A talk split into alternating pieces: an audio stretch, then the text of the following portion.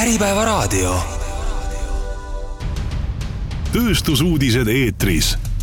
Eesti masinatööstust aitab eest vedada Radius Machining ja usaldusväärne tööjõud tuleb Hansavestist tere, head kuulajad, algab saade Tööstusuudised eetris. tänase saate teema on Rakendusuuringute Keskus, me räägime siis ühest sellisest äh, eraldi tükist või osakonnast, mis kuulub siis äh, Metroserdi äh, ettevõtte siis koosseisu ja tegemist on siis sellise mõnusa formaadiga või formaadiga, kus siis ettevõtted saavad oma ideid paremini teostada. sellest teemast on rääkimas täna külas Metroserti juhatuse esimees Aigar Vaigu, tere tulemast saatesse, Aigar! tere! ja Rakendusuuringute Keskuse juht Indrek Tulp, tere tulemast saatesse, Indrek! Tere ka minu poolt! ja saadet juhib äh, Harro Puusild. enne kui me läheme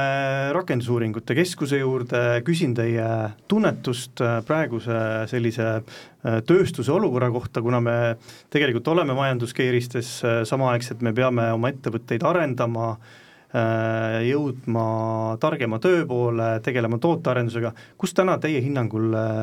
tööstus on, kuidas te tajute neid probleeme Metroserdis? No täna, kui tööstust vaadata, siis see loomulikult sõltub sektorist et ühel sektoril läheb paremini, teisel kehvemini. aga kuna majanduses on keerulised olud, siis see on hea hetk, kus panustada tõesti sellele, et minna järgmisele arenguetapile, ehk siis täna on võimalik panustada ettevõtetel oma protsesside parendamisse, kvaliteedi juhtimisele, ehk et siis, kui see majandus võtab jällegi suuna ülesse, siis sa oled valmis, et startida sellesse uude majanduskasvu. et kui sa praegu lased selle nii-öelda rihmalõdvaks ja ei, ja ei investeeri tulevikku, siis selle uue stardiga sa ei jõua lihtsalt kaasa minna. ja noh, selge on ka see, et, et, et et peab, tasub võtta suund selliste suurema lisandväärtustega toodete-teenuste suunas ja, ja see ongi koht, kus kohas Rakendusuuringute Keskus tahab äh, ettevõtetele abiks tulla ehk siis tegelikult äh, see, et äh, kui meil on majanduses väga head ajad, meil on kiire, meil kliendid on ukse taga, me peame tootma, me peame müüma, praegu ei ole nii kiire aeg, et tegelikult võiks mõelda just äh, arenduse peale. just täpselt, et kui on head ajad, siis noh, raha tuleb nii palju peale, et ei ole vaja optimeerida, ei ole vaja neid nii-öelda nurki lihvida ja seda liiva sealt masinast ära saada. aga kui ajad on keerulised, siis iga sent, iga euro on arvel ja vot siis on põhjust ja motivatsiooni neid nurki lihvida ja liiva masinast välja saada kui palju äh, teil Metroserti jõuab sellist, ütleme noh, sünget vaadet, et äh, no te suhtlete ettevõtetega ka ja ettevõtjatega, et, et kui palju seda nii-öelda nagu sellist süngust või, või negatiivset vaadet tunda on või vastupidi, kui palju on näha sellist positiivsust ikkagi, vaatamata kõigele? et Metroserti jah, üks osa on Rakendusuuringute Keskus, aga siis me oleme ka ju Eesti Metroloogia Keskasutus, pakume veel lisaks sellele metroloogiateenuseid, kalibreerimist, taatmist, taatlemist, erimõõtmisi, siis tegeleme juhtimissüsteemide sertifitseerimisega, nii et noh, me näeme seda tööstuse ja üldse majanduse olukorda väga hästi. ja praegu noh, meie jaoks seda, jah, mõnedes sektorites on olukord väga kehv, aga üldist pilti, kui vaadata, siis ettevõtted võrreldes eelmise kriisiga nüüd ikkagi panustavad just nendele samadele, et inimesi on vaja hoida kvaliteeti on vaja panustada ja oma protsesse on vaja parendada ja no omalt poolt lisan ka, et, et, et pikas perspektiivis on, äh, seda on ka teistes lääneriikides äh, häid näiteid, et, et need, kes sellisel kehvemal ajal või, või heas või halvas mõttes kriisi ajal investeerivad äh, arendusse, et need tegelikult jäävadki, on, on, on hiljem, kui, kui majandus paraneb, väga parema, oluliselt paremas positsioonis. et oma klientide hulgas me ei ole märganud sellist nii-öelda pankrottide lainet, et seda veel ei ole. et ja kliendid ei ole ka täna tulnud meile ütlema, et kuulge, me see aasta ei tule või et me järgmised kolm aastat ei tule. et nad, ma, ma tahaks loota, et enamus on aru saanud, et panustades kvaliteeti on võimalik eh, see nii-öelda kasu ka siit majanduslangusest välja võtta. Äh, jaa, hea kuulda, et äh, tegelikult äh, on ka neid, kellel läheb hästi ja ilmselt neid on väga palju, et äh, teie majja ei ole veel sellised sünged, sünged vaated jõudnud. aga läheme Rakendusuuringute Keskuse juurde, mida see selline tükk või, või üksus või osakond äh, nüüd äh, Metroserdi, Metroserdile tähendab, mis muutunud on? esiteks hakkame siis ettevõtte juhtkonnast pihta, on muutunud, kui varem oli juhatuses üks inimene, siis nüüd on meid seal kolm, lisaks selleks, et käivitada rakendusuuringute keskus, on meil vaja tugiteenustesse inimesi juurde, ehk siis, et see kasv ära kanda ja loomulikult selle uue struktuuri püstiehitamine on see, mis paistab Metroserdi inimestele kohe-kohe silma, kui nagu sisse vaadata. E, sisulise poole pealt või niimoodi väljastpoolt vaadates veel justkui ei olegi väga palju muutunud, sest me oleme alles pool aastat kogu seda protsessi niimoodi väga e, aktiivselt vedanud ja need asjad hakkavad alles sellel aastal juhtuma. nii et veel on vara küsida, et kuidas see kõik välja paistab. ootame pool aastat veel ja siis me saame hakata juba üht-teist näitama. E, no mis see rakendusuuringute keskus tähendab, äh, mida ettevõtjad teha saavad, millist kasu äh, sellest tõuseb äh, tööstusettevõtetele? Äh, no ma usun eelkõige just äh, need ettevõtted, kes on, äh, kes, kes, kes, kes, kes vaatavad innovatsiooni suunas ja kes tahavad uusi tooteid, teenuseid välja arendada, noh, üks niisugune kindel suund, kus kohas me saame appi tulla, kus me plaanime appi tulla, on erinevad testimise piloteerimisvõimekused, et tihtilugu ühel ettevõttel endal ei ole mõtet investeerida testimis- või, või, või piloteerimistaristusse, see on väga kallis, ja seda ongi mõttekas teha niisuguse läbi, läbi ühe niisuguse organisatsiooni nagu Rakendusuuringute Keskus ja, ja siis me saame seda teenusena jagada, oma seda võimekust, nii infrastruktuurset kui ka inimkapitali võimekust erinevatele ettevõtetele. noh, näiteks nagu võime võtta näitena biorafineerimise suund, kus kohas kui, kui, kui ütleme, ülikoolis näiteks või, või, või, või mõnes teeasutuses tehakse biorafineerimise eksperimente, sest tüüpiliselt lõpeb see kuskil viie või kümne liitri juures ära, see bioreaktori maht, maht on ju. aga tööstus tahaks üle võtta tehnoloogiat, kus kohas äh, noh, nende tünnid on kümme tuhat liitrit ja seal on päris suur auk vahepeal ja mis tuleb seal neid erinevaid protsesse optimeerida ja selleks äh, on vaja eraldi piloteerimisvõimekust ja, ja see ongi see, mida meie plaanime oma, oma, oma keskuses teha, täna me juba hangime vastavad seadmed, me oleme selle ära planeerinud ja ja, ja selle suuna pealt me loodame esimesed potid podisema panna kahekümne viiendal aastal, on ju. Et noh, see ongi peamine suund, et, et ka kui me võtame ka teised valdkonnad, näiteks vesinikutehnoloogiat, siis seal äh, ettevõtted, kes arendavad elektrolüüsereid või, või kütuseelemente, et nendel samuti on vaja erinevaid äh, stack'e ja räkke testida, väiksemas mahus saab seda tõenäoliselt teha ülikoolide juures, äh, teiste tea-, teadus-arenduspartnerite juures, aga niisugune suuremas mahus juba, juba täna noh, mõni ettevõte investeerib ise sellesse, kes, kui, kui ta on nagu võimekas. aga kõik ei ole nii võimekad ja siis on jällegi hea, kui niisugune testimisvõimekus on olemas ehk siis, kui on selge, et, et on mingisugune noh, ütleme on väga hea idee, on väga hea lahendus välja mõeldud ja on selge, et sellest tuleb äri, siis see on nagu see koht, kus seda testima hakata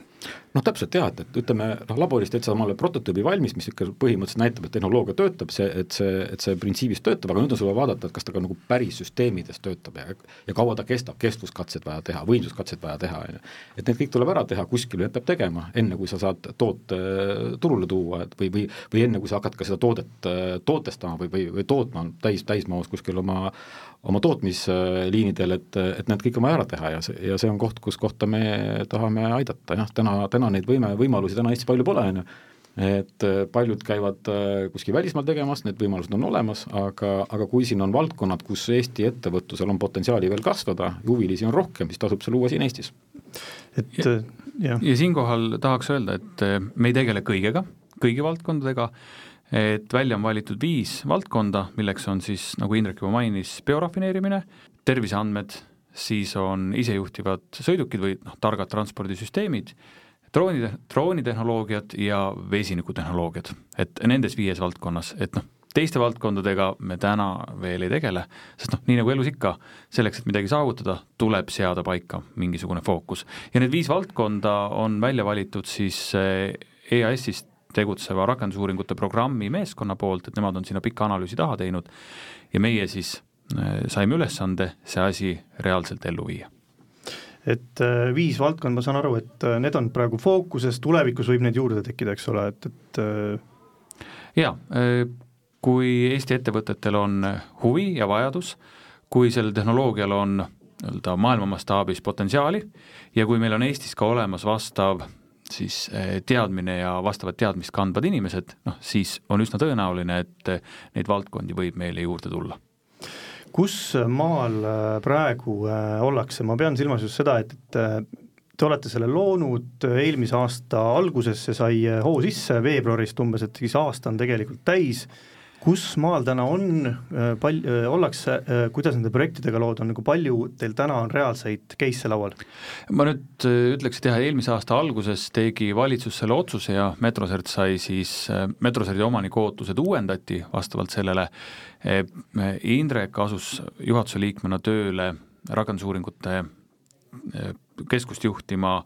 juulist eelmine aasta ja septembris jõudis meile tööle siis esimene valdkonnajuht, nii et et eh, selline jah,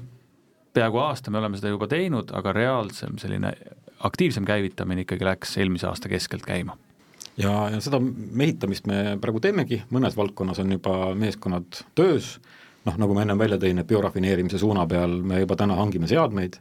äh, meil on olemas isegi juba ruumid, kus, kuhu need seadmed panna, äh, aga mõnes teises valdkonnas me veel võtmeisikuid värbame, et äh, võtmeisikute näol ma pean silmas, et et meil on äh, iga valdkonna peale on valdkonnajuht ja juhtivteadur. ja, ja kui need on olemas, siis sealt hakkame vaikselt seda, seda meeskonda üles ehitama, sest noh, inimkapital on kõige tähtsam, et noh, need on need, äh, kelle pealt me seda keskust saame üles ehitada. ja täna mul on ka hea meel selle üle, et rakendusuuringute keskusesse need teadurid, valdkonnajuhid, kes tulevad, et me jah, otsime küll ka Eestist seest, aga väga mitmed me oleme leidnud täna juba ka nii-öelda Eestist väljapoolt, kes meie meeskonda tulevad. ja selle üle mul on väga-väga hea meel, sest me toome need nii-öelda talendid siia Eestisse tagasi kuidas see, ütleme, Eestisse tulek äh, mõjutab, et äh, noh, ütleme, me oleme tuntud IT-riigina, kõik see jutt käib siia juurde, mis muljega nad tulevad, äh, no, no hoopis teise suuna peale, et IT-inimesi vist on lihtne meelitada, aga kuidas, kuidas selle meelitamisega Rakendusuuringute Keskuse poolt on? noh, meelitamine, noh Eesti tegelikult on äh, rahvusvaheliselt äh, päris hea kuvandiga, mitte nüüd ainult ka IT-valdkonnas, vaid ka ütleme, sellise teaduse ja innovatsiooni valdkonnas, et inimesed üldiselt tulevad siia hea meelega. Äh,, jah, siin on, meil on väga hea loodus, meil on tegelikult Äh, mitte noh, väga hea infrastruktuur, ma pean silmas ka niisugust nagu riigi, riigipoolset äh, ja, ja kõik need sotsiaalsed teenused on meil väga heal tasemel, et üldjuhul, üldjuhul ikka tahetakse siia tulla, jah. kuigi jah, ütleme niisugust suurlinna melu võib-olla meil on äh, võib-olla vähem kui kuskil mõnes rahvusvahelises tõmbekeskuses, aga aga inimesed on erinevad. kui suureks see meeskond tuleviku väljavaates kasvab? meil on plaanis kasvada kolme kuni viie aasta jooksul seitsmekümne inimeseni siis Rakendusuuringute Keskuse poole pealt ja Metrosel tervikuna, noh, hindame, et tänasest, noh, kui me pool aastat tagasi hakkas inimesi rohkem meile tulema, siis sealt seitsmekümne inimese pealt ehk kasvame tõesti sinna eh, saja neljakümne, saja viiekümne inimese peale. et selline vaata, et korraliku, korraliku ettevõtte tase paistab me oleme ka täna korralik ettevõte, et vaadates meie kliendibaasi ja seda mõju, mida, mida Metrosedi tegevused ühte või teistpidi omavad, siis äh, ka me täna oleme juba korralik ettevõte. absoluutselt. Äh, no ühed on valdkonnajuhid, et äh, kes see, kes need inimesed on, kes seal veel olema hakkavad, et äh, palju ilmselt on neid, keda, kelle vajadust te võib-olla isegi ei näe veel praegu, keda tuleb jooksvalt juurde võtta, kuidas see struktuur täpsemalt välja näeb? No kindlasti me tahame hästi palju koostööd teha ülikoolidega, et, et meie jaoks on tähtis, et me ei dubleeri ei infrastruktuuri ega ka oskusteavet, on ju, kui kuskil ülikoolis on, on võimekused olemas juba, siis seal me teeme koostööd. Eh,, aga kui on, kui on mingisugused valdkonnad või suunad või tegevused, kus kohas seda võimekust täna ei ole, siis sinna, sinna me selle loome ja, ja no need inimesed, no kust nad tulevad, et, et ühelt poolt nagu, nagu Aigar rääkis, et me püüame maksimaalselt inimesi tuua välismaalt, tuua enda nii-öelda nagu eestlasi, kes on sinna läinud, võib-olla kes tahaks tagasi tulla, neid kutsume tagasi või, ja, ja ka, ja ka välismaa noh, teisi inimesi, eksperte just nimelt, et et, et seda oskusteavet ja seda, seda, seda siin kasvatada suuremal moel me liigume vajadusepõhiselt täpselt, et, et kui me täpselt teame, et, et mis suunas ja mis arendusi vaja teha on, siis, siis see tuleb ära mehitada meil. ja neid, nagu Indrek ka mainis, et meil on olemas siis valdkonnajuht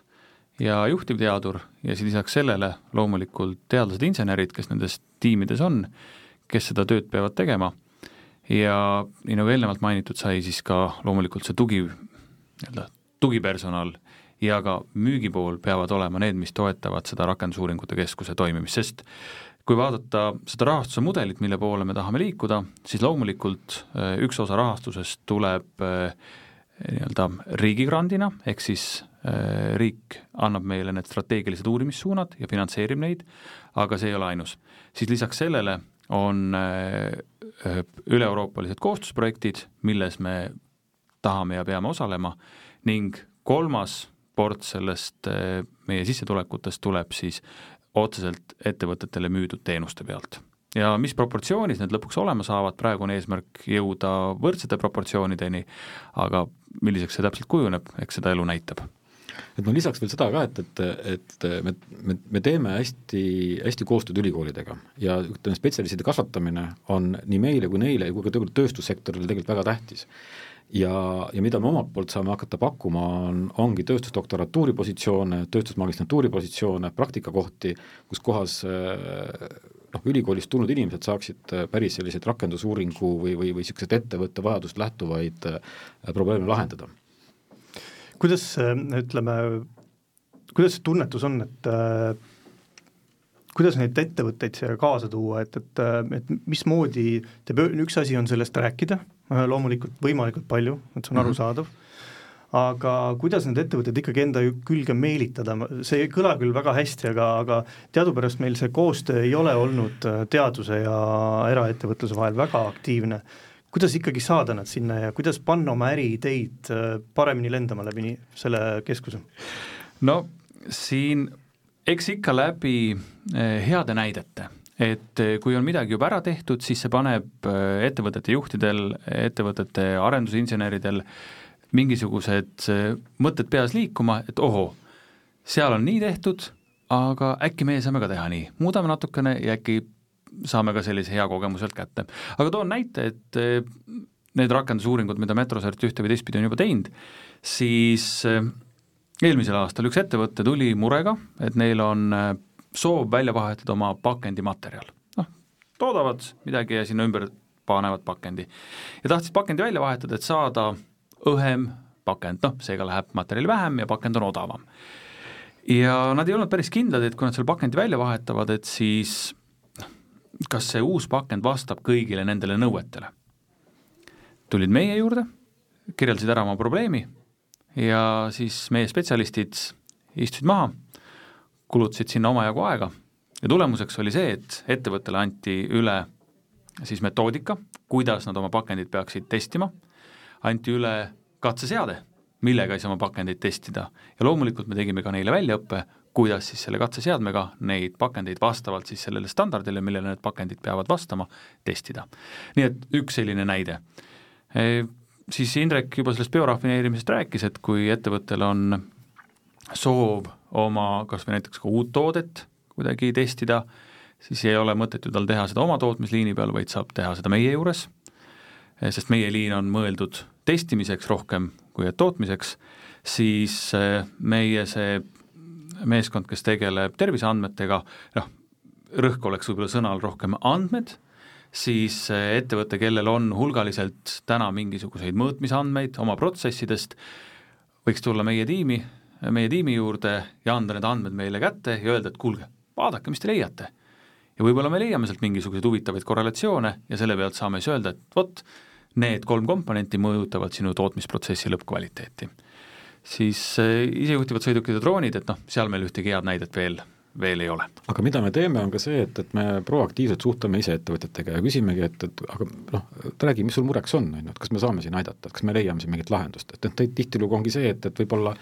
noh, alati sa ei teagi, et, et sul võib-olla on mingi lihtne asi, sul, sul on suur mure, aga võib-olla sul on lihtne lahendus, on ju, et et väga erinevad äh, moodused, moodused võivad olla, et kuidas me selle koostööni jõuame. aga noh, nagu Aigar ka välja tõi, et, et noh, tähtis on need näited, tähtis on äh, tekitada usaldus Äh, läbi, läbi niisuguste heade, heade koostöö, koostöö tulemuste kuidas selle, ütleme, kui me vaatame neid kolme või viite siis äh, sellist äh, valdkonda, mis on välja valitud, kui me neid, kui vaadata vesinikutehnoloogiat, biomassi väärindamine, biorafineerimine,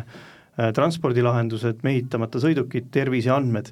no ikka tekib küsimus, et millal tulevad juurde mingid maisemad teemad, millal me räägime toidutööstusest, millal me räägime masinametallitööstusest, okei okay,, sõidukid on masinatööstus, aga siiski, et, et äh, tuua veel juurde selliseid nii-öelda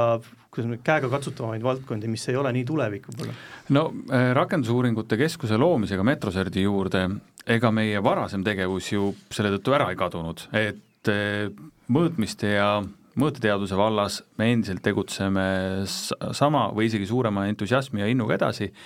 Ja need klassikalised probleemid, mida sa kirjeldasid, et eh, neid see meie metroloogia pool saab väga hästi lahendada, aga loomulikult on probleeme ja arendusi, millega me lihtsalt ei tegele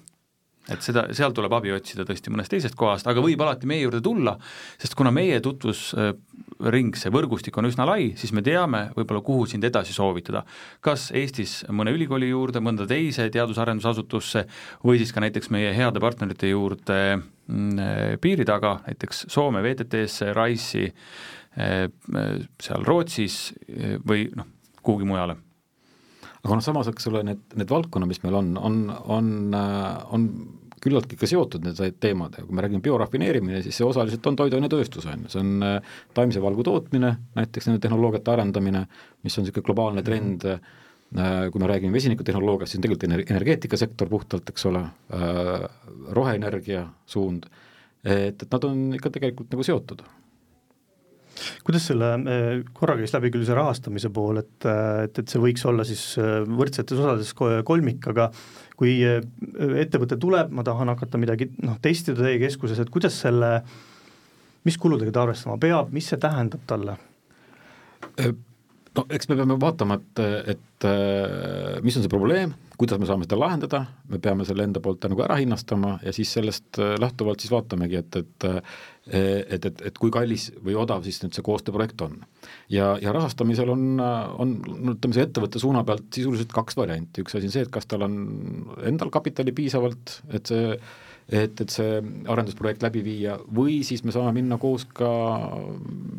erinevaid grante taotlema, et, et, et need mõlemad variandid on üldiselt levinud nii Eestis kui ka rahvusvaheliselt, et Äh, ja ütleme, see grandi, grandi taotlemise suuna peal me saame ka kaasa aidata, selles mõttes, et oma, oma kogemust ja oskust jagada sinna. nii et selline äh, täislahendus. Äh, ma saan aru, et, et kui ettevõte tuleb, ta saab ikkagi endale sellise, kuidas ma ütlen, teiepoolse, mitte meeskonna, aga ikkagi nagu reaalselt inimese, kes aitab tal läbi siis tu-, tulla selle projektiga äh, keskusest? no ikka jah, et, et, et meie poolt on äh, igale projektile oma projektijuht, eks ole, kes siis seda meiepoolseid tegevusi vaatab ja koordineerib ja, ja teiselt poolt siis ka hoiab, hoiab ettevõtetega sidet. Äh, need koostööprojektid võivad olla väga erinevad, võivad olla väga läbi põimunud, et me teeme enam-vähem igapäevaselt või iganädalaselt, eks ole, suhtleme, aga võivad olla ka, võivad olla teistmoodi väga konkreetne probleem me hakkame lahendama, teeme ära ja anname üle, et, et et need on kõik äh, iga juhtumi põhised, et, et, et raske on nii-öelda nagu ühe joonlauaga tõmmata, et eks siis äh, meie tegevust võiks võrrelda mitte sellise suure kaubamajaga, kes müüb äh, kusagilt tehasest valminud ühesuguseid rõivaesemeid, vaid pigem ikkagi selline rätsepa töökoda, kus tehakse asjad valmis vastavalt kliendi soovidele ja kliendi jaoks sobivast materjalist. Ehk siis ikkagi ta tuleb, tal on tegelikult, äh, tal on seal inimesed, kes äh, tema probleemi oskavad lahendada, ehk siis tegelikult seesama rätsepõlikond, eks ole, et, et mul on mingi konkreetne asi, mida ma tahan uurida, skaleerida, mingi äriidee ja mul ongi pädevad inimesed, võib-olla noh, mul ei olegi muud võimalust saada nende inimeste jutule, kui selles kes-, keskuses võib-olla. Jah, ja, ja ka näiteks ütleme, ma üldse ei välista juhtumit, kui näiteks meil ei olegi olemas inimesi või oskust tema probleemi lahendada, aga meil on võrgustik ja me oskame edasi suunata. või siis, või siis öö, oskame soovitada või ka, või ka isegi kokku panna öö, suurem projektimeeskond mitme, mitme osapoolega, et et noh, kuna need probleemid on üldjuhul ikkagi väga-väga spetsiifilised ja, ja, ja need lahendused tihtilugu päris keerukad, et, et noh, raske on mõnel juhul võib-olla ette näha, et meil kohe kõik on olemas, aga jällegi noh, ongi see, et, et me, me töötame tihedasti koos ülikoolidega, kus kohas on, on teisi spetsialiste ja saame, saame niimoodi kokku panna. et siin võib-olla üks näide tuua, ma ei saa küll konkreetseid kliente nimetada, aga neil oli vaja hinnata oma energiatootmise kasutegurit.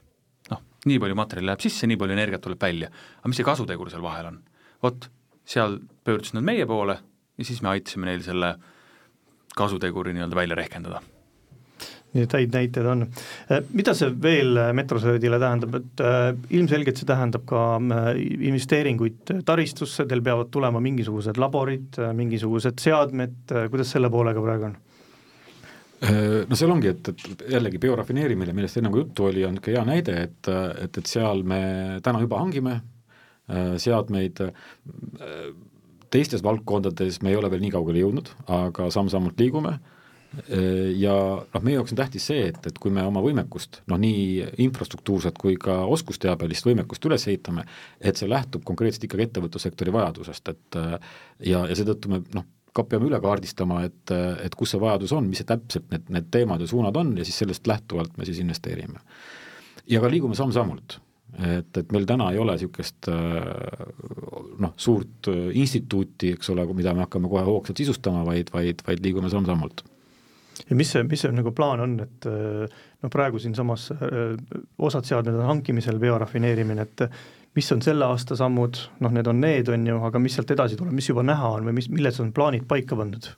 no täna on selge, on see biorafineerimine äh,, siis on Terviseameti puhul on, on sellise äh, no Terviseametis on hästi, hästi palju erinevaid osapooli ja täna tegelikult ka erinevate ministeeriumide tasemel on erinevaid projekte käimas, mis äh, üleüldse nagu andmete äh, hoidmise, jagamise, kasutamise suunas liiguvad, et, äh, et meil on, tähtis on meie jaoks täna Terviseameti suunas see, et, et need süsteemid, kui need luuakse, et need luuakse koos ja et nad, et nad äh, teenindaksid siis nagu neid erinevaid vajadusi, et ei oleks, et ei loodaks erinevaid niisuguseid killustatud süsteeme, mis omavahel ei ühildu, vaid, vaid pigem, et nad ühilduksid ja, ja see annab meile sellise vundamendi siis siis Terviseameti suuna pealt hakata häid ja kiireid teenuseid pakkuma, et see on nüüd Terviseameti suund. Äh, vesinikutehnoloogia osas me valmistame ette seda võimekust nende noh, nagu ennem rääkisime, nende räkkide testimiseks, äh, aga, aga noh, seal me veel ei ole täpselt detaile paika saanud, et mis on täpselt need võimsused, mis on vaja, et noh, need detailid tuleb kõik välja selgitada. Autonoomsete sõidukite ja droonitehnoloogiate osas on, on samuti, et, et noh, tegelikult neid suundi, kuhu minna, on, on, on mitmeid ja väga palju, noh droonide puhul näiteks kas või hakata pihta äh, elektromagnetühilduvuse mõõtmisest või, või, või hoopis äh, radaritehnoloogia peale vaadata või hoopis tegeleda sidega, äh, droonide puhul on ka see, et, et kas on tsiviilrakendus või militaarrakendus, et, et huvid ja nõuded on väga erinevad, et, et nendes suundades me, me täna liigume veel natukene veel heas mõttes kompame, et, et me ei ole seal seda äh, teravikud päris täpselt paika pannud, kuna me ei tea väga täpselt, et mida ettevõtjad tahavad, aga me ootamegi, et nad tulevad ütlevad meile, me küsime nende käest samamoodi loomulikult, et käime ise läbi ja siis me hakkame seda võimekust üles ehitama mis need sellised äh, investeeringute maht on või, või kui suured hinnalipikud nendel erinevatel no, seadmetel, investeeringutel küljes on? Nad võivad väga erinevad olla, noh täna me oleme investeeringuteks ette näinud äh, äh, siin nüüd nelja aasta peale kuusteist miljonit kõik kokku nagu selles mõttes, et, et äh, noh, tükkideks jaotunult ta liigubki vajadusepõhiselt, et, et noh, ma ütlen, ongi, et me peame hakkama hankima, siis täpselt teama, mis asi kui palju maksab, on ju, et, et, et siis me saame juba täpsemalt rääkida, täna rohkem hetkel öelda ei julge. aga ütleme, see, see kuusteist miljonit on see, on see raam, millega me täna liigume mm. -hmm Äh, äh, kuidas need ettevõtjad ikkagi siis äh, saada, et peate rääkima, peate kommunikeerima, olete välja mõelnud mingisuguseid platvorme, mingisuguseid üritusi või kuidas see kommunikeerimine täpselt käib, mismoodi, mismoodi see täpselt käib ikkagi? no üks osa sellest kommunikatsioonist on ka see, mida me teie saade, praegu siin saates teeme. Ja mis on meie, võiks öelda, selline ambitsioon, et kui kellelgi on mure oma nii-öelda protsesside paremaks saamisel, uute tehnoloogiate katsetamisel, siis esimene mõte, mis võiks pähe tulla, et ohoo, küsiks äkki Metroserdist, äkki nemad oskavad mind aidata ja kui sul veab, siis sa saad meid võib-olla paig-, palgata. et natuke kõlab selline nagu kunagine A-rühma sissejuhatus, aga, aga nii see on. et kui on mure, kui on mingisugune probleem, mida sa ise lahendada ei oska või on tunnetus, et äkki eh, Metroserdis me oskame sind aidata, et noh, siis tule, tule küsi ja need ideed liiguvad, millest me oleme aru saanud, et ideed ja lahendused liiguvad ikkagi inimeste peades ja läbi selle, et inimesed suhtlevad. et noh, kindlasti me ei kavatse teha seda, et me istume oma sellest nii-öelda elevandiluust tornis ja ootame, et kuni, kuni keegi meie juurde tuleb, ei. Indrek käib aktiivselt iga päev ettevõtetega suhtlemas, püüame meedias välja paista, erinevad valdkondade juhid, juhtivteadurid noh, laiendavad seda suhtlusvõrgustikku ja, ja nii see kasvabki, et ja milline see selline peegeldus on olnud, kui te, kui Indrek käib, räägib, te räägite ettevõtjatega, mis on praegu, mis see tagasiside on, mis on esimesed muljed, esimene peegeldus? no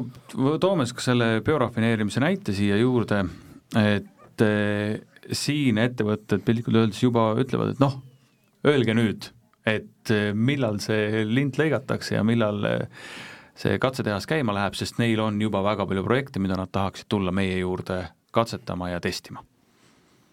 nii et ütleme, ukse taga järjekorda juba vaikselt on tekkimas? olenevalt valdkonnast on see järjekord tõepoolest juba olemas, aga noh, me, me ei, me ei hoia neid nagu ukse taga järjekorras, ikkagi kutsume sisse, et et see on pidev, pidev osapooltega suhtlus ja nad teavad, et noh, see vajadus, mis me üles ehitame, lähtuvad või see, või need võimekused, mis me üles ehitame, lähtuvad nende vajadustest. No just, ja siis ja noh, ettevõtted üldiselt, need, kellega me suhtlen, suhelnud oleme, et äh, kõik on äh, väga positiivsed ja, ja, ja ma arvan, et, et see, see suhtlus paneb võib-olla ka ettevõtja natukene mõtlema, et ahaa, et ah, kui meil juba niisugune rakendusuuringute keskus tekib siia, et võib-olla tõesti ma võiksin mõelda noh, oma, oma mingi arenduse peale, võib-olla mõne uue projekti peale, mida ta võib-olla muidu isegi ei teeks et selles mõttes ma usun, et ka see külg on nagu tähtis. sest üks, üks suund, mis on ka meie poolt meile antud ka omaniku poolt, et me ka vaatame ja, ja, ja hoiame kätt heas mõttes pulsil siis tehnoloogia arendustel ja kui seal on kuskilt on näha, et, et mingisugused, mingid uued tehnoloogiad hakkavad tulema ja võib-olla täna meil veel ettevõtja vajadust ei ole, siis, siis me võime võtta ka selle tehnoloogia arenduse ja kompetentsi loomise enda juurde ja, ja sealt siis tekitada ettevõtte vajadus või kui siis ettevõttel tekib vajadus, on meil juba olemas meeskond ja võimekus sinna suunda minna, et, et et see on niisugune eh, hea näide, et eh, Soomes on, on sarnane asutus nimega VTT ja, ja nemad seda teevad ja teevad seda väga edukalt ja see on olnud ka üks niisugune majanduse niisugune lisamootor eh, Soomes on ma just tahtsingi küsida, et kas on mingeid eredaid näiteid tuua naaberriikidest näiteks, kus sarnane asi toimib, et ma saan aru, et Soome soomlased on siis sellise asja käima saanud edukalt ja Nemad teevad seda juba aastast nelikümmend üheksa. jah, täpselt, et eh, kogemus on väga suur ees ja eeskuju tegelikult on väga suur ees ja noh, seesama soomlast, Soomes to-, tegutsev VTT, et eh, noh, neil on eh, pea kolm tuhat inimest tööl, eelarve on mitusada miljonit aastas, nii et noh, sihti, kuhu poole liikuda on. aga nüüd jah, keegi võiks küsida, et aga kui Soomes on olemas selline asi, mitu tuhat inimest tööl, mitusada miljonit eelarvet, et noh, mis me siin Eestis siis pingutame või hüppame. Aga just sellepärast tulebki tegutseda, et eh, nemad on suur väljakujunenud organisatsioon oma uurimis- ja fookusvaldkondadega, aga on asju, mida nad tegelikult eh, ei kata ja see koostöö ka eh, VTT-ga näitab seda, et noh, see võimekus, mida meie ehitame täna, on see, millest neil on puudus. aga nemad täna ei ole valmis sinna investeerima, sest noh, see tähendaks neil selle fookuse nihutamist ja nüüd, kui meie oma võimekuse valmis saame, siis äh, projektid, mida nemad noh, vajaksid ka te-, tahavad ka teha, siis nendega nad saavad tulla meie juurde, sest äh, kui vaadata mujalt maailmast, siis äh, ühel või teisel pool Soome lahte, no see on üks sama piirkond et meil ei ole mõtet siin oma naabritega konkureerida, vaid ikkagi teha koos ja minna tuua koos need võidud mujalt maailmast ära. kuidas praegu paistab, kas mõni Soome projekt on ka põrganud korra siia ka, et, et et, et küsitud meie käest nagu Eesti poole pealt? Kui ma nüüd ei eksi, siis jah, selliseid asju on, just nendes valdkondades, kus me oleme täna kaugemale jõudnud, aga mis need projektid täpsemalt on, siis siin ühelt poolt ma nüüd öelda ei saa, sest nende projektide see nii-öelda tundlikkusaste on veel üsna, nad on ühesõnaga, nad on tundlikud sellele, mis informatsiooni me nende kohta välja anname. aga oodake natukene, et eh, küll, küll läheb käima see koostöö. ja, kui... ja küll me saame sellest avalikult ka rääkida et omalt poolt lisaks jah, et, et me teeme hästi tihedat koostööd VTT-ga äh, kõikides valdkondades ja, ja seal me ongi, et, et jällegi, et me täiendame üksteist, et mitte ei me konkureeri, vaid me täiendame ja, ja meil on seal mõned koostööprojektid praegu ettevalmistamisel tõesti aga mis see, ütleme, kas siis koostöö tähendab seda, et teil on mingid regulaarsed äh, koosolekud, te käite vastastikku külas, et kuidas te seda nii-öelda omavahelist suhtlust arendate? just, just, et äh, see algaski niimoodi, et kõigepealt käisime me, meie neil külas, siis käisid nemad meil külas ja nüüd on siin suhtlus ja kui vaja on, siis tuleb jälle kokku saada, et äh, et täpselt, täpselt nii ta käibki. Nagu sa ikka jah, et kord tuled sina mulle külla, siis tulen, tulen mina jälle sulle. Ja, ja millesse me väga tugevalt usume, on see, et teadmised liiguvad koos inimestega, kui sa tahad eh, seda knowledge transfer, siis seda teadmussiiret, teadmussiiret teha, see tähendab seda, et sa pead inimesi füüsiliselt liigutama. et muud moodi need teadmised ei, ei liigugi. ja selles osas ollakse, jällegi oodatakse, et millal me oma näiteks asjad püsti saame, et juba saata ka naaberriikidest inimesi siia meie juurde eh, tööd tegema et noh, sellest lähtuvalt on ka see Rakendusuuringute Keskuse üks niisugune pikaajalisem funktsioon, on ka spetsialistide noh, aidata spetsialistide kasvatamisel, see on see, kus, mismoodi me saame samuti lisaks rakendusuuringutele ka seda tööstussektorit aidata. sest noh, täna on Eestis on äh, valdkondlikult kindlasti erinev, aga, aga niisuguste inseneride ja, ja, ja kõrgetasemeliste spetsialistide päris suur puudus, et et, et selles, selles osas aitame kaasa mis, äh, tuleme allapoole natukene, vaatame Läti-Leedu poole peale, kas seal ka midagi analoogset on? kahjuks mitte. No Lätis ei ole, Leedus äh, on neil selline uurimisasu-, uurimisasutus on olemas, noh, seal fookused on natuke teises kohas ja ta on, see Leedu oma on rohkem niisugune instituudi moodi ja natukene võib-olla Eesti mõistes KBFi moodi natukene, et et ta ei ole, ta ei ole nii rakendusliku suunaga. ja Rootsi pool näiteks? Rootsi pool on RISE, äh, siis äh, Norras on olemas, äh, Taanis on olemas, Saksamaal Fraunhofer ja noh, enamustes edukates nii-öelda tööstusele ja tehnoloogiale keskendunud riikides on, on sellised asutused olemas. ehk siis riikides on aru saadud sellest, et selleks, et aidata ettevõtteid nii-öelda teadmistepõhisemale tootmisele lähemale, on vaja luua neile see,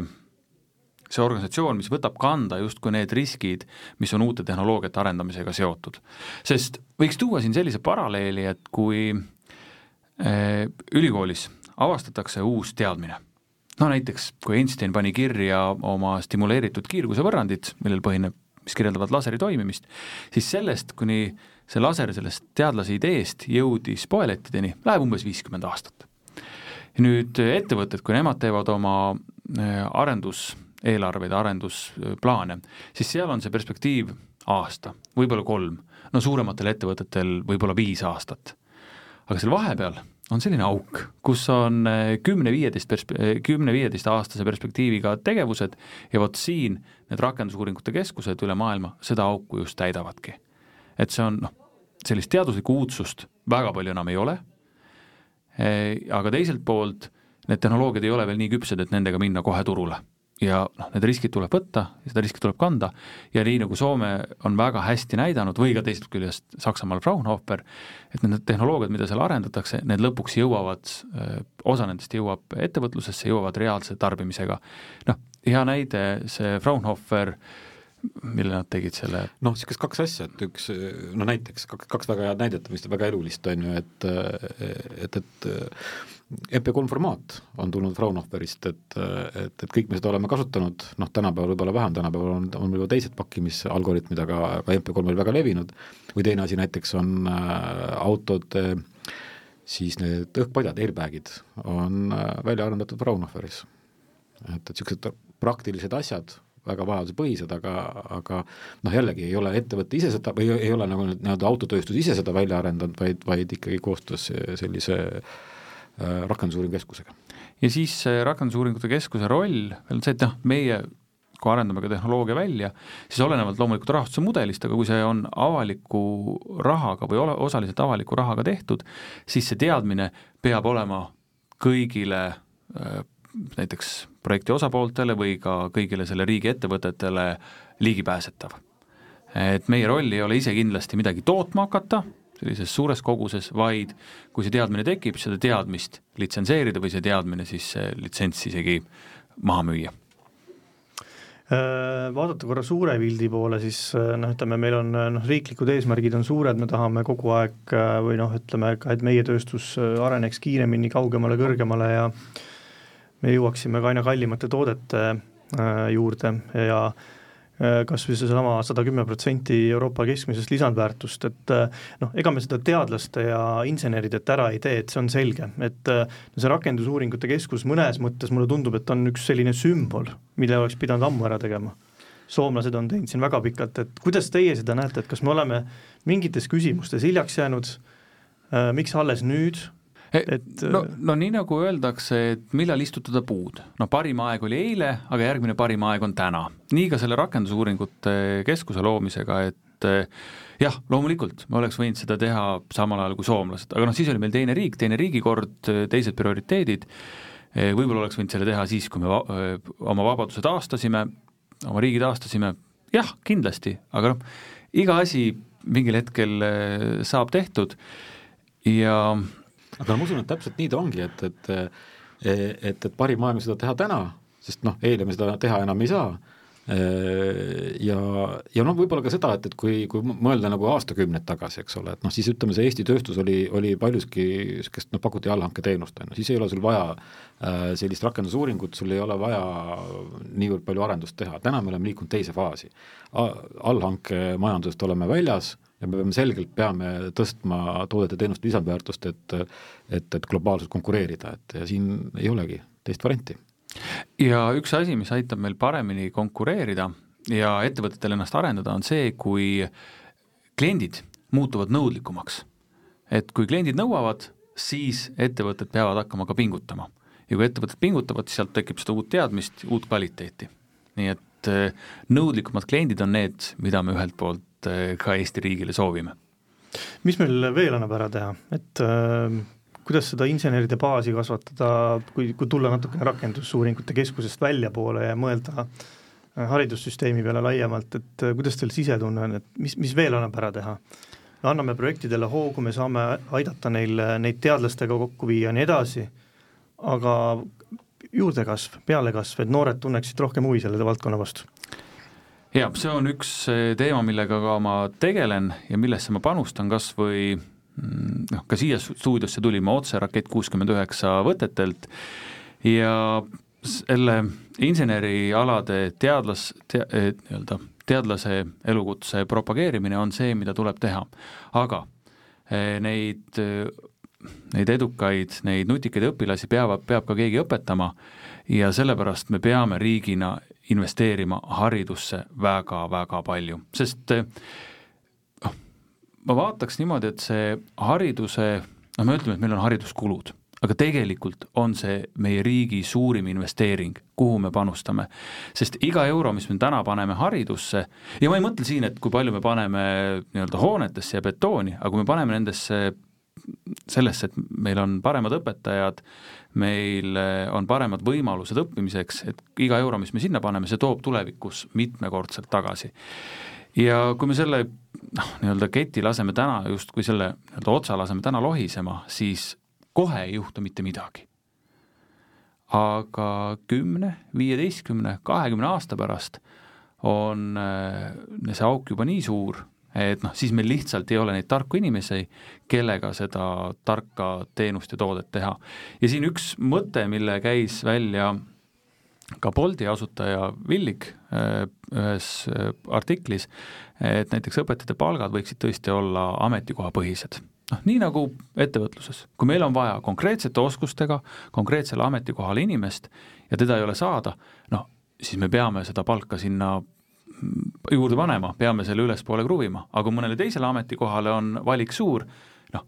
siis me saame seal maksta ka väiksemat palka, nii et palgad ametikohapõhiseks ja et turg reguleeriks, kuhu keda,